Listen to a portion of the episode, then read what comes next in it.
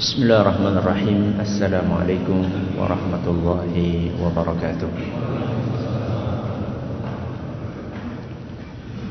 إن الحمد لله نحمده ونستعينه ونستغفره ونعوذ بالله من شرور أنفسنا ومن سيئات أعمالنا من يهده الله فلا مضل له ومن يضلل فلا هادي له وأشهد أن لا إله إلا الله وحده لا شريك له وأشهد أن محمدا عبده ورسوله. يا أيها الذين آمنوا اتقوا الله حق تقاته ولا تموتن إلا وأنتم مسلمون. يا أيها الناس اتقوا ربكم الذي خلقكم من نفس واحدة وخلق منها زوجها وبث منهما رجالا كثيرا ونساء. واتقوا الله الذي تساءلون به والأرحام إن الله كان عليكم رقيبا. يا أيها الذين آمنوا اتقوا الله وقولوا قولا سديدا. يصلح لكم أعمالكم ويغفر لكم ذنوبكم. ومن يطع الله ورسوله فقد فاز فوزا عظيما. أما بعد فإن أصدق الحديث كتاب الله وخير الهدي هدي محمد صلى الله عليه وسلم وشر الأمور محدثاتها وكل بدعة ضلالة Kita panjatkan puja dan puji syukur kehadirat Allah Tabaraka wa Ta'ala Pada kesempatan yang berbahagia kali ini kita kembali diberi kekuatan, kesehatan, hidayah serta taufik dari Allah Jalla wa Ala sehingga kita bisa kembali menghadiri pengajian rutin tafsir kita ini di Masjid Agung Darussalam Purbalingga. Kita berharap semoga Allah tabaraka wa taala berkenan untuk melimpahkan kepada kita semuanya ilmu yang bermanfaat sehingga bisa kita amalkan sebagai bekal untuk menghadap kepada Allah Jalla wa Ala. Amin ya rabbal alamin. Salam dan salam Semoga senantiasa tercurahkan kepada junjungan kita Nabi besar Muhammad sallallahu alaihi wasallam pada para sahabatnya, keluarganya dan umatnya yang setia mengikuti tuntunannya hingga di akhir nanti. Sebelum kita memasuki materi pada kesempatan yang berbahagia kali ini, kita akan sedikit mengulang apa yang sudah kita pelajari pada pertemuan yang telah lalu di mana saat itu kita membahas beberapa poin sebagai mukaddimah dari tafsir surat Az-Zalzalah di mana saat itu kita membahas tentang pertama nama dari surat Az-Zalzalah. Sebutkan tiga namanya. Ulangi. Nomor dua. Nanti yang lain. Bagus. Surat pertama Iza Zulzilat. Yang kedua Az-Zilzal. Kemudian yang ketiga Az-Zalzalah. Bukan Az-Zilzalah, Az-Zilzal. Ya. Kemudian pertanyaan berikutnya kita menyebutkan beberapa keutamaan surat Az-Zalzalah. Dalam beberapa hadis yang dinilai kuat oleh sebagian ulama. Hadis yang pertama kami kita bawakan satu hadis yang diriwayatkan oleh Imam Ahmad oleh Sahih oleh Imam Al-Hakim dan juga Zahabi bahwa surat ini kata Nabi SAW dalam hadis tersebut adalah surat yang komplit. Apa maksudnya? Bagus, mencakup semua larangan dan semua perintah. Pertanyaan yang terakhir. Di dalam hadis yang kedua yang diriwayatkan oleh Imam At-Tirmidzi dan dinilai hasan oleh Tarbuni dinyatakan bahwasanya surat ini sepadan dengan setengah Al-Qur'an. Maksudnya apa? Surat Az-Zalzalah bicara tentang hukum-hukum di akhirat secara global. Bagus.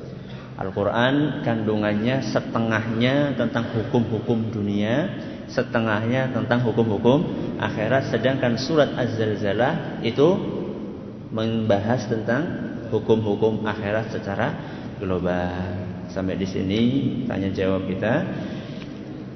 Kita akan memasuki materi pada kesempatan yang berbahagia kali ini para pendengar radio Insani 88 FM di Purbalingga, di Banyumas, di Prokerto, di Banjarnegara, di Kebumen, di Cilacap. Kemudian para pendengar Radio Roja di Jakarta, di Bandung, di Lampung, di mana pun anda berada. Para pendengar Radio Pas FM di Solo Tigo dan sekitarnya. Pendengar Radio Al-Hikmah di Banyuwangi, radio kita di Cirebon, serta para pemirsa Yufit TV di mana pun anda berada. Pada kesempatan kali ini kita akan membahas poin baru yaitu kapan kita membaca surat Az-Zalzalah alias momen pembacaan surat Az-Zalzalah. Setelah mencari-cari hadis tentang poin ini, saya menemukan sebuah hadis yang masih juga diperselisihkan oleh para ulama tentang kesahihannya. Hadis ini dinilai sahih oleh Imam Ibnu Khuzaimah, Ibnu Hibban dan juga oleh At-Tarhuni. Ulama yang lain mungkin berbeda pendapat dengan mereka. Hadis tersebut diriwayatkan oleh Sa'ad Ibnu Hisham Al-Ansari. Kata beliau أنه سأل عائشة عن صلاة النبي صلى الله عليه وسلم بالليل pada suatu hari Sa'ad ibnu Hisham bertanya kepada Ummul Mukminin Aisyah radhiyallahu anha mengenai cara Nabi Shallallahu alaihi wasallam salat malam. Ini menunjukkan bahwa semangat para sahabat atau para ulama kita untuk mengetahui ibadah Nabi SAW dengan benar.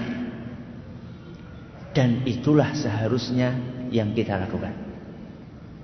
Saat kita menjalankan ibadah jangan cuma modale anu jerene.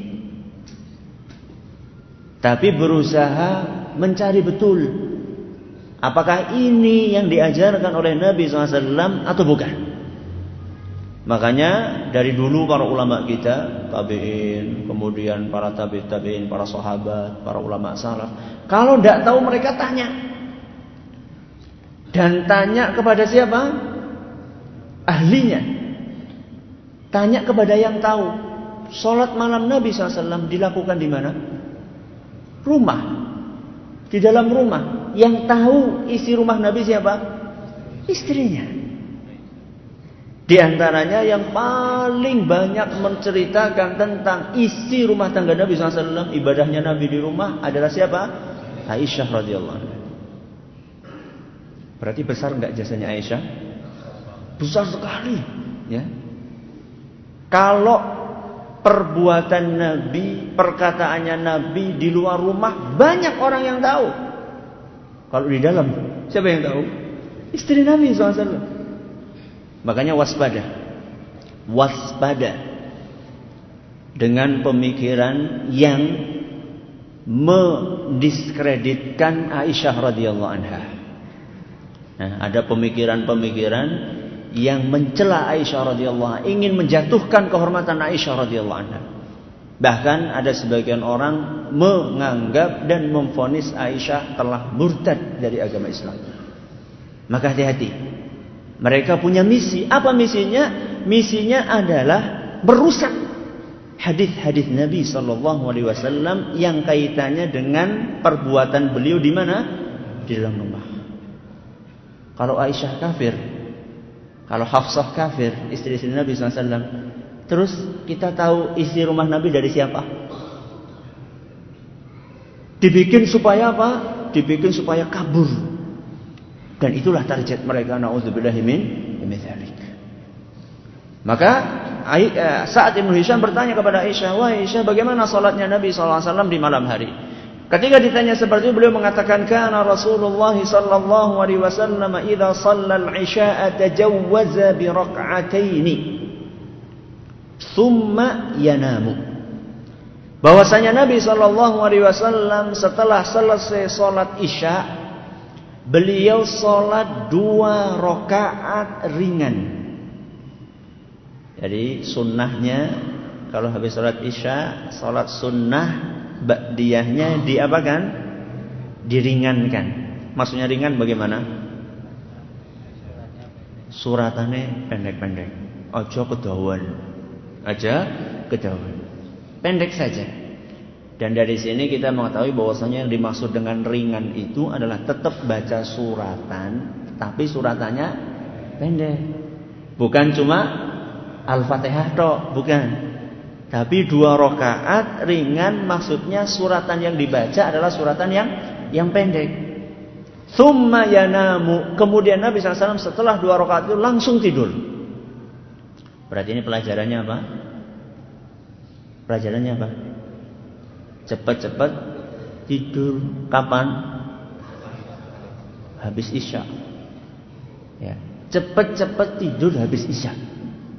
Makanya dalam Sahih Bukhari diceritakan kana sallallahu alaihi wasallam yakrahu an-nauma qablaha bahwasanya Rasulullah sallallahu alaihi wasallam membenci tidur sebelum sholat Isya. Apalagi ketika pengajian seperti ini. Nengumah nganggur B, ya. nengumah nganggur B. Kalau sebelum isya itu Nabi nggak suka tidur, apalagi lagi ngaji seperti ini. Nggak tidur saat ngantuk. ngantuk itu kan apa? Mukodimahnya apa? Tidur. Nah. Jadi Nabi SAW nggak suka tidur habis maghrib. Kenapa kira-kira? Mbok kebablasan. Mbok kebablasan. Sudah. Kemudian diceritakan wal haditha ba'daha. Dalam Sahih Bukhari tadi, lanjutannya Nabi SAW membenci tidur sebelum Isya dan ngobrol sesudah Isya. Nabi nggak suka. Nah, sing biasanya bar Isya pada apa? Pada apa? Ngendong ngene tanggane nganti jam 10. Kecuali kecuali kalau memang ada keperluan yang mendesak. Rapat RT padanya membahas tentang uh, tentang ya tentang keamanan RT atau tentang hal satu dan lain hal tentang RT itu tidak apa-apa.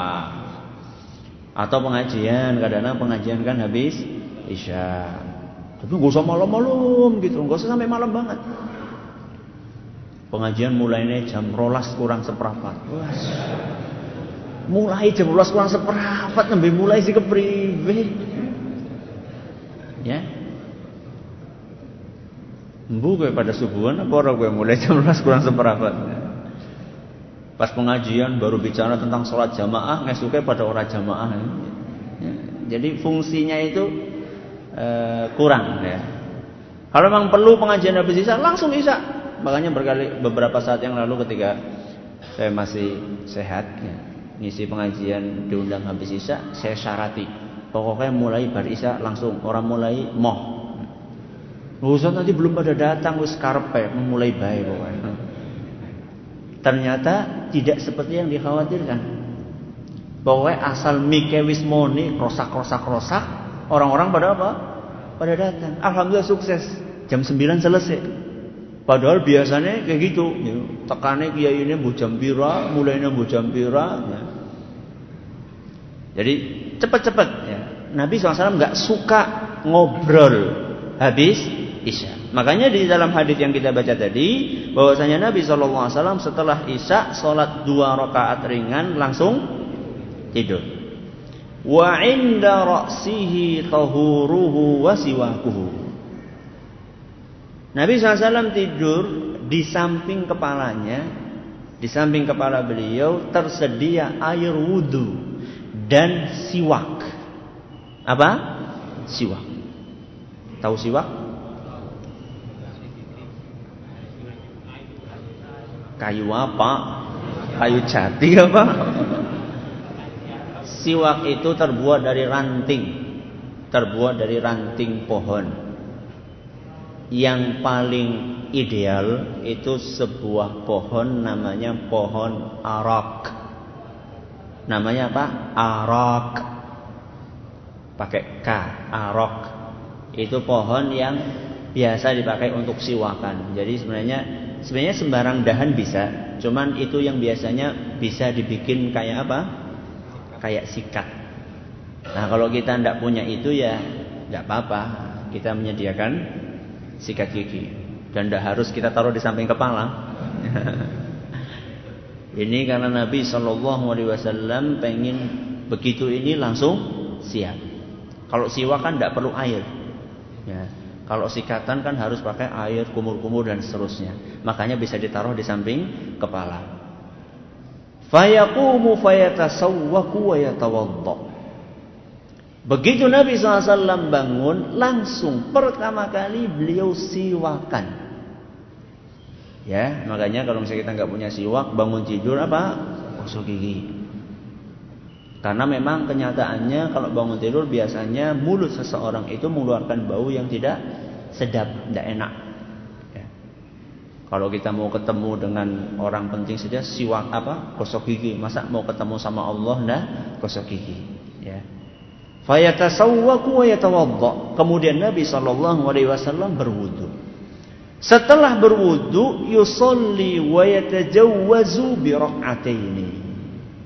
Setelah beliau sallallahu alaihi wasallam wudu, beliau salat sunnah dua rakaat ringan. Tadi, berarti ringan dikembalikan kepada tadi. Apa maksudnya? Suratannya pendek. Ya. Suratannya pendek. Setelah sholat sunnah dua rakaat, kata para ulama, kenapa kok dua rakaat itu pendek? Baru kemudian setelah itu panjang-panjang. Kenapa dua rakaat awalnya pendek? Hah? Ya, anak bahasanya kita itu pemanasan. Ya, jadi apa ya? Orang bangun tidur kan masih apa? Masih ngantuk, masih ya masih mungkin masih nggak enak gitu. Kemudian kita sholat dua rakaat ringan itu jadinya lebih apa? lebih nyaman. Setelah itu baru kemudian sholatnya panjang-panjang. Berapa rakaat yang dilakukan oleh Nabi SAW setelah dua rakaat tersebut? Thumma yaqumu fayusalli thamani raka'atin. Yusawwi bainahunna fil qira'ah. Kemudian setelah dua rakaat itu Nabi SAW sholat delapan rakaat. Delapan rakaat dan panjang setiap rokaatnya mirip. Jadi ukurannya mirip, tapi panjang-panjang. Kalau yang dua rokaat pertama tadi itu apa? Ringan. Yang delapan ini panjang-panjang. Berarti sudah berapa ini? Dua tambah delapan berapa? Sepuluh. Lalu Nabi Shallallahu Alaihi Wasallam yutiru bitasiah. Kemudian Nabi SAW witir di rokaat yang kesembilan. Jadi yang sembilan Ustaz ya mau ngitungnya dari yang delapan tadi. Berarti nek loro wolu siji. Berarti berapa itu? Sebelas rakaat. Beserta dengan sholat witir. Wa yusalli rak'ataini wa huwa jalisun. Setelah sebelas itu Nabi SAW sholat lagi dua rakaat.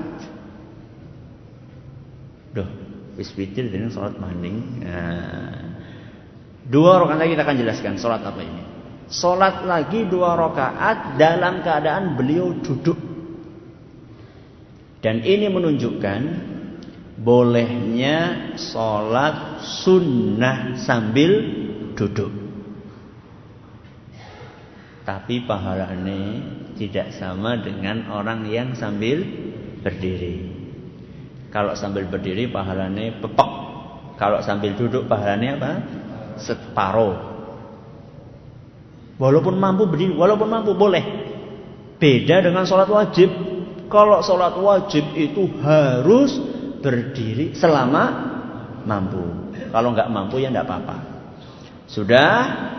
Kemudian oleh Aisyah radhiyallahu anha, beliau ingin menjelaskan bagaimana sholatnya Nabi SAW mulai dari Aisyah menikah sampai beliau dengan beliau sampai beliau SAW menjelang wafatnya. Maka Aisyah melanjutkan keterangannya. Falamma asanna Rasulullah sallallahu alaihi wasallam wa akhadha lahma Di saat usia Nabi SAW semakin lanjut dan beliau bertambah gemuk,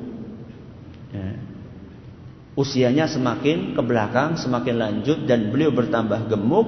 Ja'ala thaman sittan. Yang delapan rakaat itu beliau sallallahu alaihi wasallam kurangi jadi enam. Yang delapan tadi panjang-panjang dikurangi oleh Nabi jadi berapa? Jadi enam wa yutiru fis dan witir di yang ketujuhnya. Berarti jumlah berapa? Dua tambah enam tambah siji. Bira? Sembilan. Itu ketika Nabi SAW sudah usianya lanjut. Dan ini menunjukkan kepada kita bahwa beribadah itu jangan ngoyo sesuai dengan kemampuan. Nyong mampune ora salat Ustaz. Kowe udur mampune ora kowe anu bebas salat kowe jenengane. Ya. Jadi sesuai dengan kemampuan. Ketika kita mampunya ya, misalnya kita mampunya sembilan, sembilan. Bahkan kalau misalnya kita mampunya dua rakaat tahajud, satu witir tidak mengapa. Tapi kita harus mengukur kekuatan kita. Maksudnya kalau kita, makanya Nabi SAW itu memanfaatkan betul masa mudanya.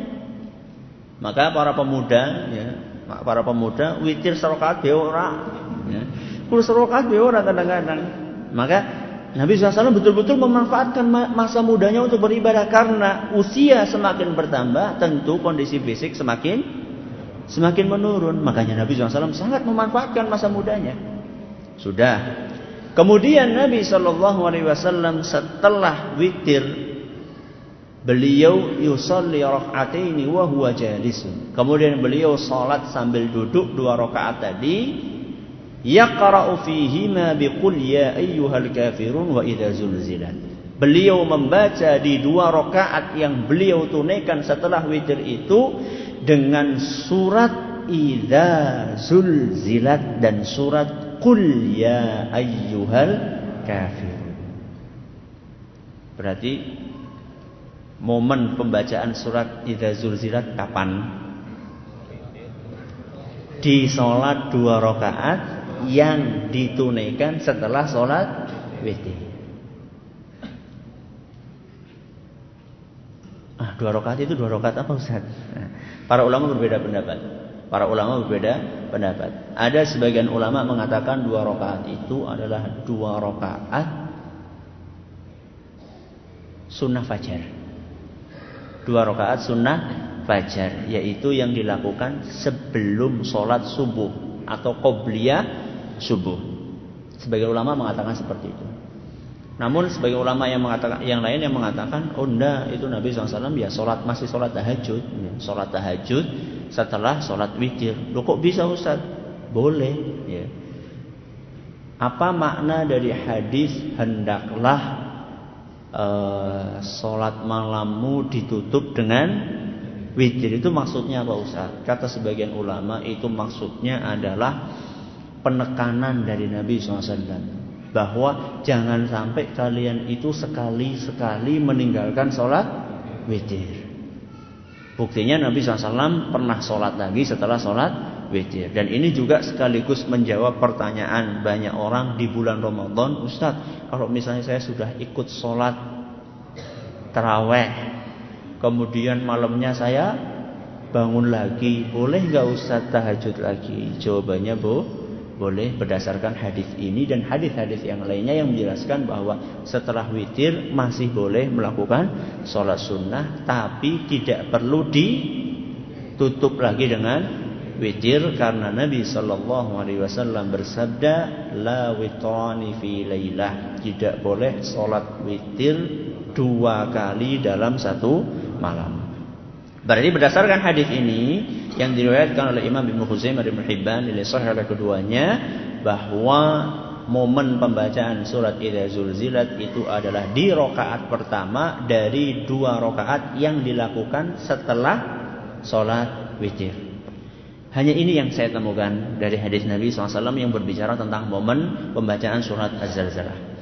Maka kita berpindah ke poin berikutnya, yaitu surat Az-Zalzalah makkiyah atau Madaniyah.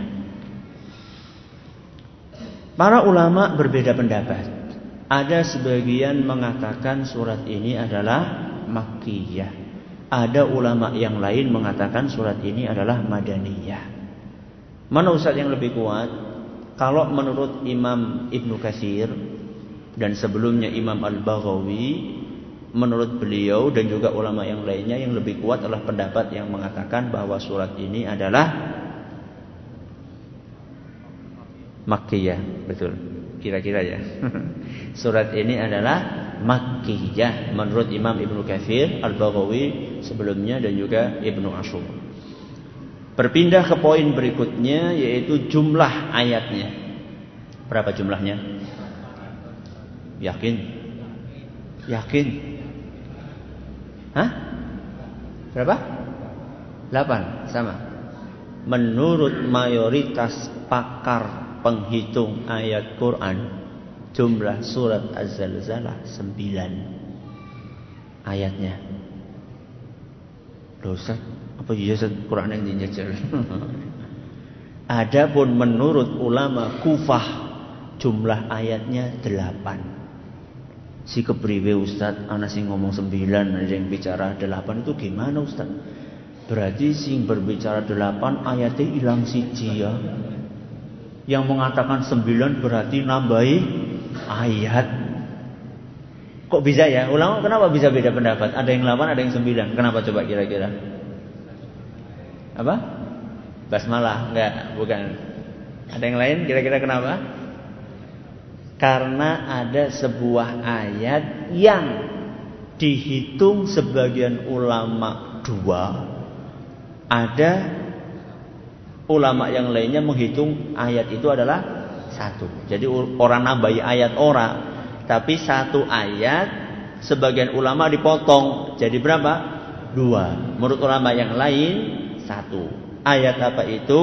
Firman Allah Subhanahu wa taala, "Yauma idzi yasdurun nasu ashtatan liyurau a'malahum."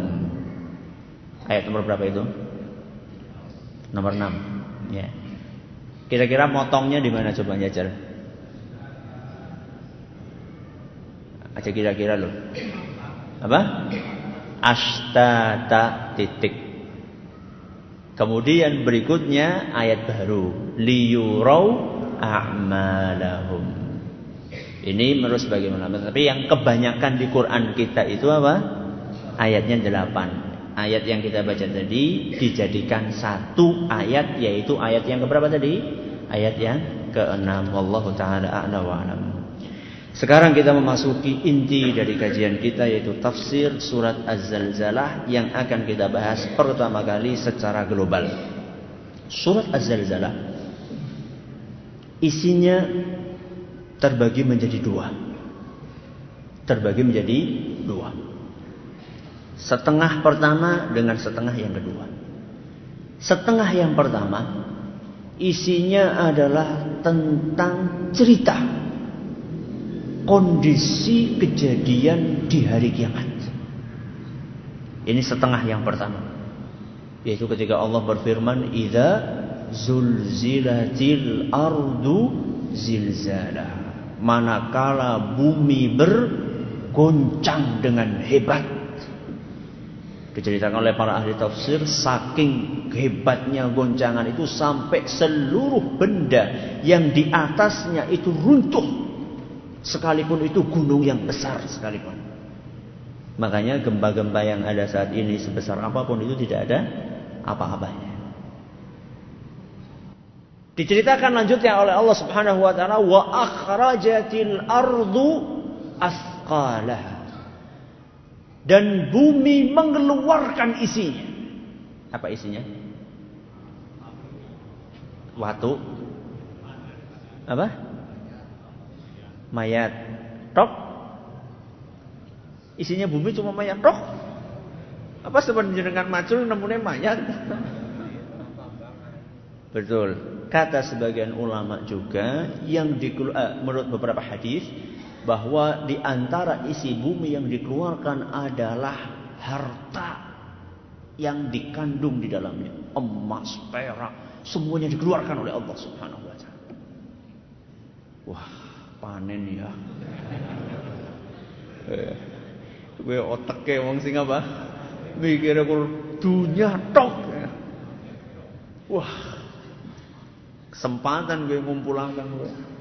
Mungkin nggak? Orang mungkin mas, ya. orang bakal kepikir, ya. Gak akan kepikir kita akan mengumpulkan emas. Kenapa? Karena saat itu kita masing-masing memikirkan nasib kita. Likulli imri'in minhum yawma idzin sya'nu yughni. Kata Allah dalam Al-Quran, masing-masing dari manusia saat itu memikirkan nasibnya. Disibukkan dengan memikirkan dirinya sendiri. Jangankan memikir emas, anak saja nggak dipikir. Istri saja nggak dipikir, orang tua saja nggak dipikir. Yauma yafirrul mar'u min akhihi wa ummihi wa abihi wa sahibatihi wa banihi likulli imri'in minhum. Orang semuanya lari mikirkan nafsi-nafsi. Masing-masing memikirkan dirinya sendiri. Boro-boro mengumpulkan emas, Ya. Tapi itulah menurut sebagian hadis yang dikeluarkan selain mayat-mayat yang ada di dalamnya juga dikeluarkan apa? Emas. Makanya itu suasana yang kalau boleh kita katakan dengan istilah sekarang suasana yang chaos. Apa chaos? Nah? Kacau balau. Sampai orang-orang bertanya. Apa pertanyaannya? Habis itu apa? Wa qala al-insanu malaha. Ya. Wa qala al-insanu malaha. Manusia bertanya, apa kejadian ini? Kenapa terjadi ini? Mereka bingung ya. Saking bingungnya sampai mereka itu nggak tahu ini ada apa. Padahal itu adalah pertanda kiamat telah di, telah tiba. Jadi ini poin yang pertama. Poin yang pertama adalah berbicara tentang apa? Tentang kejadian hari kiamat. Poin yang kedua adalah berbicara tentang adanya penghisaban amalan. Apa penghisaban? Penghitungan amalan beserta pembalasannya. Gak cuma dihitung saja, tapi dihitung terus di, dibalas.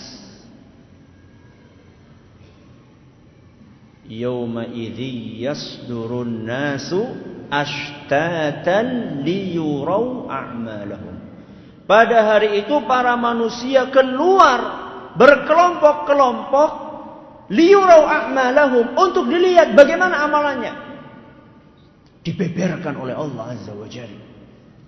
Baik amal soleh kita maupun dosa-dosa kita. Entah itu dosa-dosa yang kita lakukan sembunyi-sembunyi.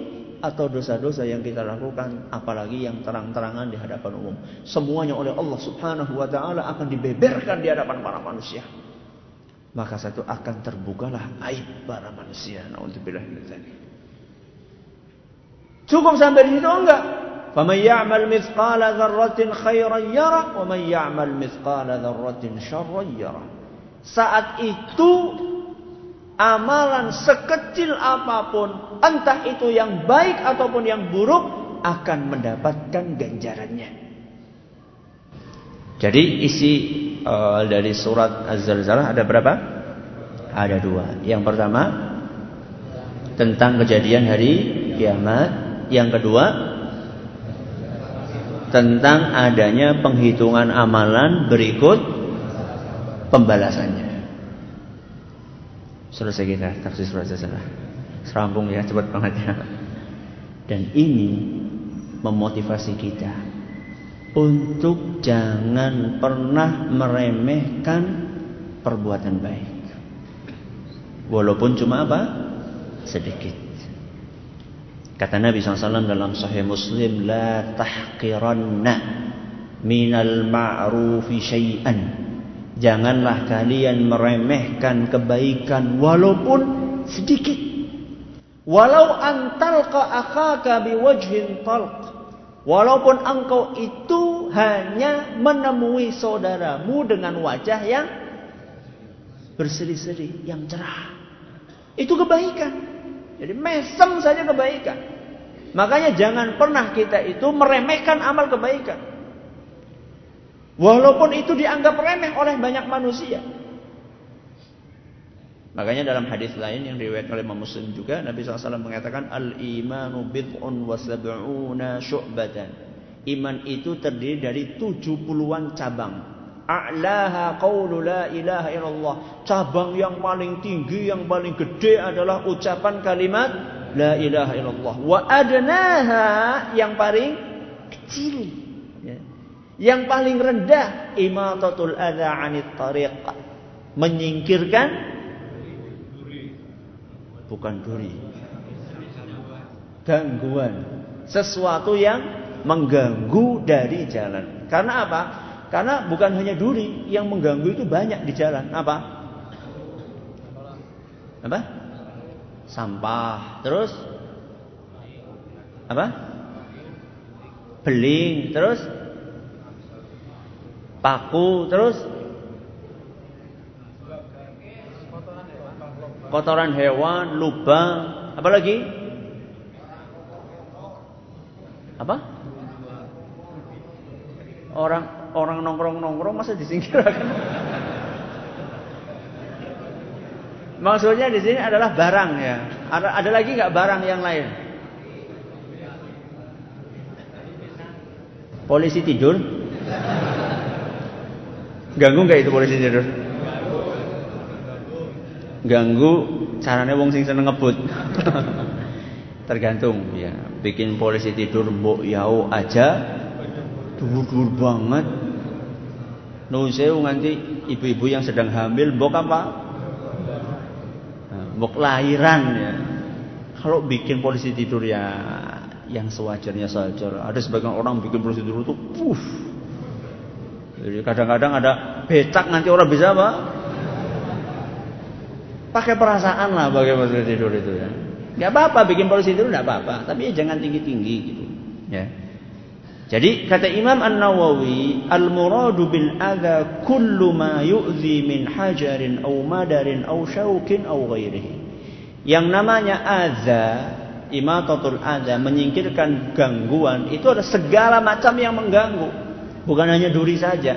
Makanya kata beliau contohnya seperti batu, kemudian kayu, kemudian duri dan yang lainnya. Ya. Termasuk mungkin kotoran binatang, ya. kotoran binatang. Maka nggak usah kita itu merasa jijik kalau misalnya ada lewat gitu di kampung kita, jalan kampung kita, kemudian kita lewat kok ada apa? Ada uh, ijo-ijo itu. Donat gede banget kayak. Hah? Udu nyong kok. ya udu jenengan lah masa jenengan yang jenengan ya orang mungkin nang kono, apa? Karena kita berakal, maka kita singkirkan. Yang buang di situ itu yang nggak berakal. Ya sapi, ya kebo. Kalau kita kan berakal, makanya tugas kita menyingkirkan. Ya. Ih, cici tadi. Bisa jadi sesuatu yang kecil tadi itu yang remeh itu memasukkan jenengan ke surga. Wah, apa iya Ustaz? Rasulullah SAW dalam sebuah hadis yang diriwayatkan oleh Imam Muslim bercerita, "Laqad ra'aitu rajulan yataqallabu fil jannah." Kata Nabi sallallahu alaihi wasallam, saya melihat seseorang sedang bermain-main di dalam surga fi syajaratin qata'aha min dhahri tariqi kanat tu'zil muslimin. Karena dia itu memotong dahan di pinggir jalan yang mengganggu kaum muslimin. Bayangkan jadi ada pohon ya mentiung ke jalan orang yang lewat terganggu dipotong sama dia. Wah ini ganggu ini. Masuk surga Kurang apa jalan melebur surga? Maka nggak usah merasa jijik meninggalkan yang seperti itu. Kotoran ayam, ya kotoran ayam kan nggak ada apa-apanya kotorannya semene bok dibandingkan apa? Teretong. Kadang-kadang kita punya ayam, ya kita punya ayam, kemudian nembelek ya, nembelek di uh, apa? teras rumah. Ah, oh, ya menembelek baik. Doa ayam nggak bisa diomongi. Kalau bisa diomongi sih kasih tulisan, ya nggak boleh nemblek di sini. Ayam itu nggak bisa diomongi. Nggak usah banyak ngomong kita, sudah kita bersihkan saja. Kadang-kadang ada sebagian keluarga bayangkan, ramane biunge anaknya sepuluh bisa kotoran ayam kawit esuk nganti ngesuk maning nganti garing masing-masing mengatakan nah ini dibersihkan bojoku bojone ngomong kotor ini dibersihkan bojoku bojo-bojone pada ngomong kotor ini anakku anaknya ngomong tuli mamasku sing bersih orang nasi sisi ya subhanallah apa mungkin Ustaz masuk surga? Loh subhanallah. Faman ya'mal mithqala dzarratin khairan yarah. Terus jangan lupa motivasi untuk beramal soleh sekaligus apa? Hati-hati dari perbuatan maksiat walaupun kecil. Kadang-kadang banyak di antara kita, wah, wow, manu kurugi ketok be, ya, korupsi mengatur stok jangan. Para ulama dahulu mengatakan la tanzur ila sigharil maksiyati wanzur li'izami man ta'si kata para ulama jangan kalian melihat kecilnya kadar maksiat tapi lihatlah besarnya yang kalian maksiati siapa itu Allah jadi kalau ngelihat maksiat supaya hati-hati itu jangan dilihat ah kurba tok be. Tapi dilihatlah kamu tuh lagi bermaksiat sama siapa? Sama siapa? Sama Allah Subhanahu wa taala. Makanya ciri khasnya orang yang beriman kata Ibnu Mas'ud, kalau melihat maksiat itu seperti gunung yang akan bisa hancur. Kalau orang yang tidak beriman melihat maksiat itu seperti laler yang nemplok dia apa? hidung kemudian cuma dikinikan saja. Wallahu taala alam. Sampai di sini pengajian kita pada kesempatan kali ini. Pertanyaan-pertanyaannya insyaallah nanti akan kita baca setelah Isya. Wallahu taala a'la wa alam. Terima kasih atas uh, perhatiannya. Mohon atas segala kekurangannya. Kita tutup dengan membaca subhanakallahumma bihamdika asyhadu an la ilaha illa anta astaghfiruka wa atubu ilaik. Assalamualaikum warahmatullahi wabarakatuh.